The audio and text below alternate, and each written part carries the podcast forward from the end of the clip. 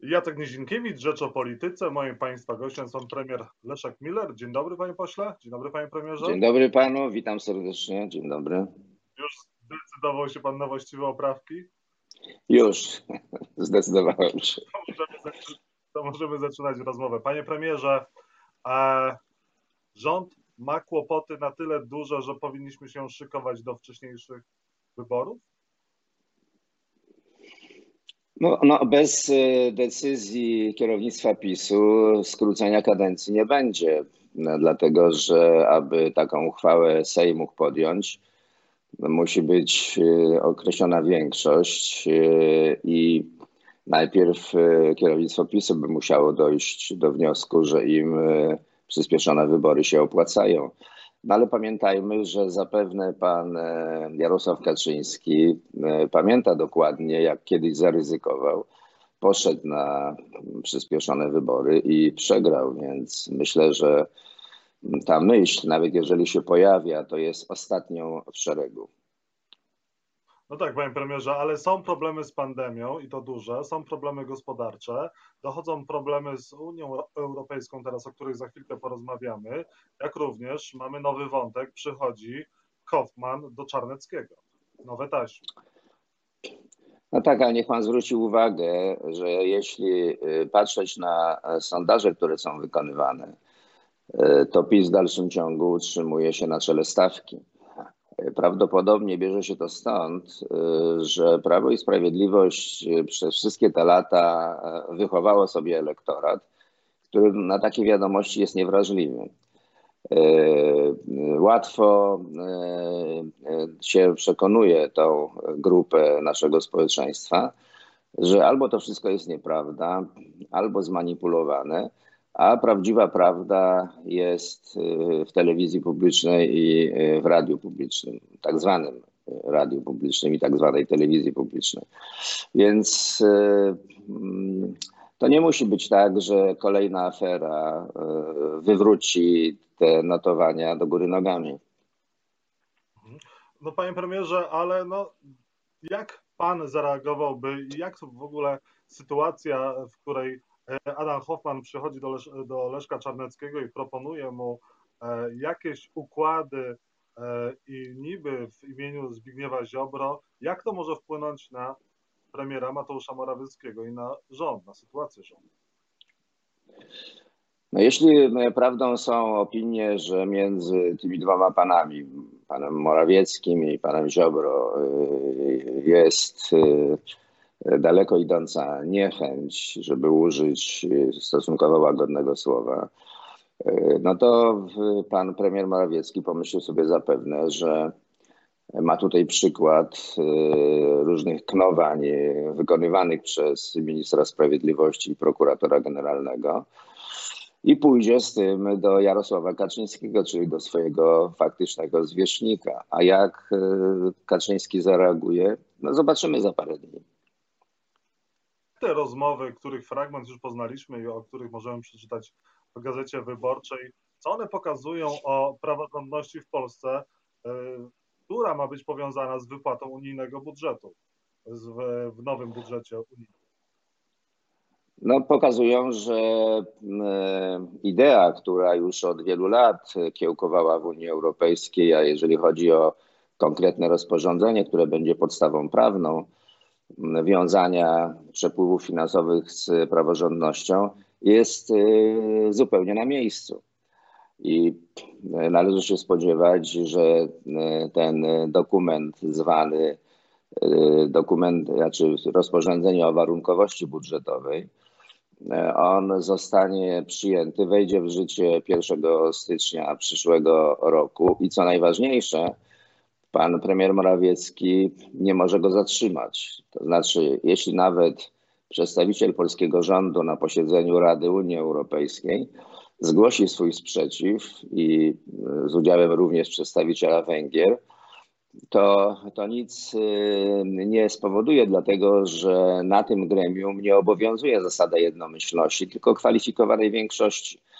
I biorąc pod uwagę opinię na temat konieczności przyjęcia takiego rozwiązania, Rada Unii Europejskiej bez problemu przegłosuje i ten dokument zacznie obowiązywać od 1 stycznia, czego zdaje się, zdaje się, pan Morawiecki i kierownictwo PiSu nie bierze pod uwagę. W takim razie te zapowiedzi o ewentualności unijnego budżetu, weta unijnego budżetu i to w dodatku weta w parlamencie polskim. E, to jest oczywiście możliwe, ale to nie dotyczy e, rozporządzenia o warunkowości budżetowej. To jest jakby oddzielny dokument, który nie jest związany bezpośrednio z budżetem. Więc y, oczywiście Parlament Polski może nie ratyfikować planu odbudowy Europy, Recovery Fund. To jest 750 miliardów, z tego dla Polski 23 miliardów miałoby, miałoby spłynąć do naszego kraju. I sam jestem ciekaw, jak za kilka tygodni Sejm się zachowa czy przegłosuje, czy ratyfikuje ten plan, czy też go odrzuci. No ale jeżeli go odrzuci, to Unia stworzy takie porozumienie między rządami, które chcą takiego funduszu. Oczywiście on już nie będzie wynosił 750 miliardów, ale suma będzie pokaźna. I zostanie to zrobione na mocy porozumienia między rządami, oczywiście bez Polski. E, Polska e, będzie na zewnątrz e, i Polska nie otrzyma żadnych pieniędzy. Premier może też wetować wieloletnią perspektywę finansową, to jest bilion 800 miliardów euro. No ale to wtedy Unia znajdzie rozwiązanie zastępcze, przynajmniej na jeden rok, ale Polska jakieś pieniądze by pewnie otrzymała, ale o wiele mniejsze niż mogłaby otrzymać. Więc można powiedzieć, to się naszemu kraju w ogóle nie opłaca. To jest e, zamysł bardzo szkodliwy i naprawdę nie warto ryzykować e, tyle miliardów euro dla tak zwanej reformy Zbigniewa Ziobry. No ale premier, do czego to dąży? No bo premier Mateusz Morawiecki przecież chyba wie, co robi, bo sam mówił dwa lata temu, jak pan dobrze pamięta, szanowni państwo, ja sam negocjowałem przystąpienie do Unii Europejskiej 20 lat temu i doskonale wiem, jak w Unii Europejskiej negocjuje się najlepsze transakcje. To po pierwsze, a po drugie, przecież nie tak dawno temu widzieliśmy rozpro, rozpromienionego premiera, który po powrocie z Brukseli entuzjastycznie obwieścił, że wynegocjował 700 miliardów złotych. E, licząc e, i fundusz odbudowy, i część środków, które napłynęłaby do Polski z wieloletnich ram finansowych. Pamiętam e, ten triumf, pamiętam tą kwotę, bardzo tak wyeksponowaną, 700 miliardów złotych i tak dalej, i tak dalej. No a teraz premier musiałby powiedzieć, że te pieniądze się rozpłynęły jak sen, jaki y, złoty. No, wszystko zależy, y, na ile y, premier chce być samodzielny, a na ile chce tylko i wyłącznie wypełniać polecenia Kaczyńskiego i jak premier myśli o swojej przyszłości.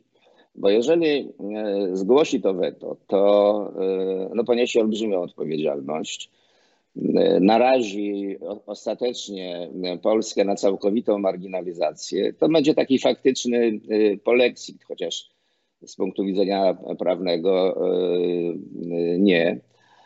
No i kiedyś w przyszłości premier będzie musiał za to odpowiedzieć, więc dobrze byłoby, gdyby premier sobie pomyślał, że Prawo i Sprawiedliwość nie będzie rządzić do końca świata, a on nie będzie do końca świata prezesem Rady Ministrów. Mhm. Panie premierze, a czy rozpłynie się odpowiedzialność za burdy na ulicach Warszawy po 11 znaczy listopada? Czy po tych wydarzeniach nikt e, odpowiedzialny za bezpieczeństwo w Polsce nie poniesie odpowiedzialności za to, co się wydarzyło w Warszawie? No, na to wygląda. Ja pamiętam, wie pan, taki przykład sprzed kilku tygodni, kiedy w Olsztynie policja e, zgłosiła do sądu sprawę 14-letniej dziewczynki, która miała być odpowiedzialna za współzorganizowanie nielegalnego zgromadzenia. Otóż, jak w takim razie policja powinna postąpić do, w stosunku do organizatorów e, Marszu Niepodległości, a zwłaszcza do głównego organizatora, który przecież jest znany.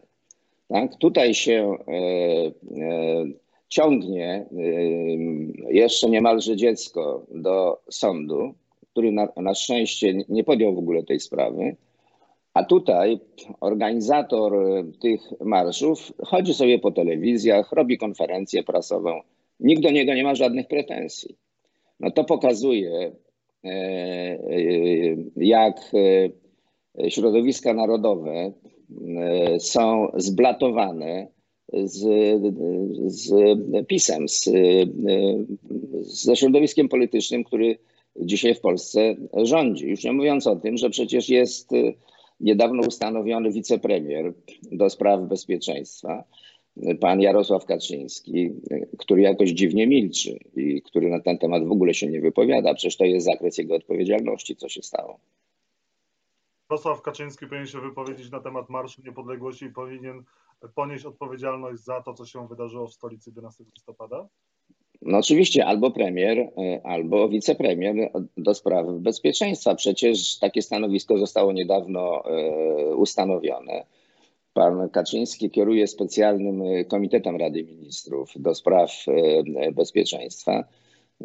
I w sytuacji, w której bandy zwyrodnialców atakują e, Warszawę, atakują policję e, w sytuacji, w której podpala się mieszkanie obywatela Warszawy, no, milczenie wicepremiera do spraw bezpieczeństwa jest zastanawiające. Być może to stanowisko jest w ogóle niepotrzebne. Na marginesie od samego początku było wiadomo, że jest niepotrzebne. No ale jeżeli już ustanowiono, no to niech e, szef e, odpowiedzialny za bezpieczeństwo się wypowie i poniesie odpowiedzialność za to, co się stało. Czy, czy Marsz Niepodległości powinien zostać zdelegalizowany? Oczywiście, tym bardziej, że już samo organizowanie tego marszu było nielegalne. Przecież e, stanowiska władz administracyjnych były jasne od samego początku. Więc już samo to, że ten marsz został zorganizowany w sytuacji e, wiadomych e, e, stanowisk odpowiednich władz, było, było, było działaniem nielegalnym i organizator tego marszu, zamiast udać się do telewizji, powinien udać się, czy być doprowadzony na odpowiednią komendę policji i policja powinna rozpocząć postępowanie w stosunku do niego razem z prokuratorem.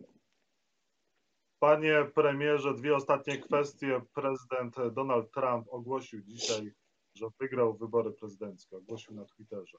Twitter po, po, po, poinformował, że to jest informacja fałszywa. No tak, no, Trump codziennie ogłasza, że wygrał e, wybory. E, to jest żenujące po prostu. I e, stara teza mówi tak, że jakość demokracji mierzy się nie tylko sposobem zdobywania władzy, ale także sposobem jej oddawania. Więc widzimy, że amerykańska demokracja pod e, rządami Trumpa nie wygląda e, dobrze. E, niemniej jednak zakładam, że jakoś się z tym Ameryka upora i w styczniu nastąpi oficjalne zaprzysiężenie pana Bidena ale do tego czasu pewnie czeka jeszcze nas wiele e, emocji. No, nie, jednak nie zapominajmy, że e, Trump uzyskał 70 milionów głosów. Że jednym słowem, nawet jak Trump odejdzie, to Trumpizm zostanie w Ameryce.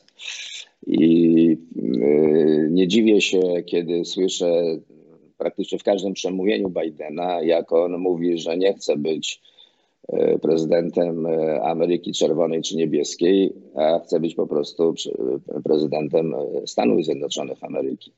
Biden stanie przed bardzo poważnym problemem sklejenia niezwykle rozdartego państwa. I za to ponosi odpowiedzialność niewątpliwie Trump, który jeszcze w tej chwili, kiedy już wie, że przegrał wybory, podjudza tych swoich zwolenników, sączy taką jadowitą e, narrację, że został oszukany i tak dalej, i tak dalej. No fatalnie to po prostu e, wygląda. No właśnie. Klasyk, którego pan zna najlepiej, mówił, prawdziwego mężczyznę pozna, poznaje się po tym, nie jak zaczyna, ale jak kończy. Jak kończy Donald Trump i czy Andrzej Duda powinien może już pogratulować e, zwycięstwa Joe Bidenowi, bo wydaje się, że dzisiaj to tylko Donald Trump i Andrzej Duda nie wierzą jeszcze w zwycięstwo Joe Bidena. Ja przypomnę, że wtedy, kiedy pan Trump wygrał wybory, to Andrzej Duda nie czekał na ogłoszenie oficjalnych wyników tylko natychmiast przekazał depeszę gratulacyjną. Teraz twierdzi, że musi poczekać na oficjalne rezultaty, więc to wszystko pokazuje, z jaką rezerwą y, Polska, znaczy polskie władze traktują zwycięstwo Bidena. To oczywiście zostanie zapamiętane Zresztą e, Biden w swojej kampanii wyborczej e, wypowiadał się bardzo krytycznie e, o polskich władzach i mm, jakby prezydent Duda dodaje kolejny argument. Więc nie chcę przez to powiedzieć, że Polska nie będzie miała żadnych kontaktów czy żadnej współpracy ze Stanami Zjednoczonymi pod rządami nowej administracji, no ale te czasy, kiedy Y, Trump popierał ten polski rząd także z powodów bliskości ideowej, te czasy należą już do przyszłości definitywnie. I ostatnia kwestia, panie premierze, wolałby pan być członkiem zespołu Bayerful, czy na przykład dyrektorem Filharmonii, jednego z miast, byłych miast wojewódzkich? Wie pan, wie pan, panu Glińskiemu pewnie podobają się majteczki w kropeczki i stąd też te olbrzymie pieniądze dla Bayern e, Full. No, e, premier Gliński popełnił wszystkie możliwe błędy. E, on nie rozróżnił działalności wynikającej z ustawie o działalności kulturalnej od działalności wynikającej z ustawy o działalności gospodarczej.